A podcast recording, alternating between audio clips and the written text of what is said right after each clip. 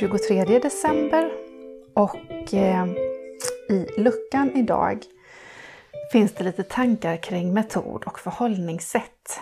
Ibland pratar vi om lågaffektivt bemötande som en metod och ibland mer som ett förhållningssätt. Så vad är det då? Både och? Ja, skulle jag vilja säga. Jag ser inte heller hur metoden går att separera från förhållningssättet. Eller kanske rättare sagt, för ett framgångsrikt arbete med lågaffektivt bemötande så behöver du både metoden och förhållningssättet.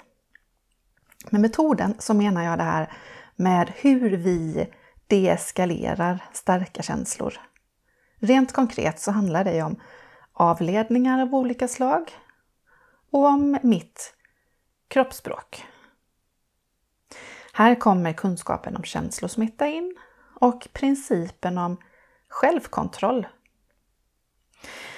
När det gäller förhållningssättet så handlar det ju mer om vilka tankar jag har om den andres beteende. Så här hittar vi de lågaffektiva utgångspunkterna. Att människor gör rätt om de kan och att den som tar ansvar kan påverka.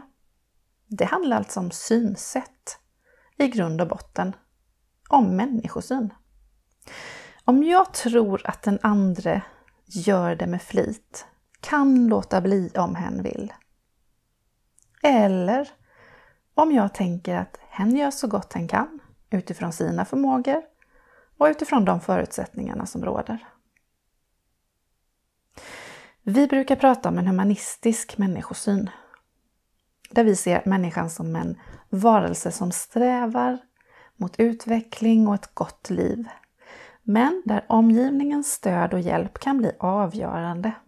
En del blommor behöver mer vatten, mer sol och en spaljé för att kunna blomma ut. För att dra en liknelse till växtvärlden. Skulle man arbeta enbart med metoden utan att köpa förhållningssättet, synsättet, utan fortfarande då tänka att hen gapar och skriker fast hen faktiskt kan låta bli. Så tänker jag att man till slut skulle tycka att arbetet var obegripligt och meningslöst. Jag tänker hur det skulle vara för mig, fast tvärtom då. Om jag skulle utdela hot om konsekvenser och straff. Samtidigt som jag tänker att den här personen gör sig inte till. Den här personen kan inte bättre. Den här personen gjorde nyss sitt bästa. Så skulle den diskrepansen mellan vad jag tänker och vad jag säger skapa en enorm stress hos mig. En stress över att jag är inte i linje med mina värderingar. För mig så hänger metodval och människosyn ihop. Så, frågan idag blir om du har utgångspunkten människor gör rätt om de kan, såväl barn som vuxna. Vad lägger du ditt fokus på då?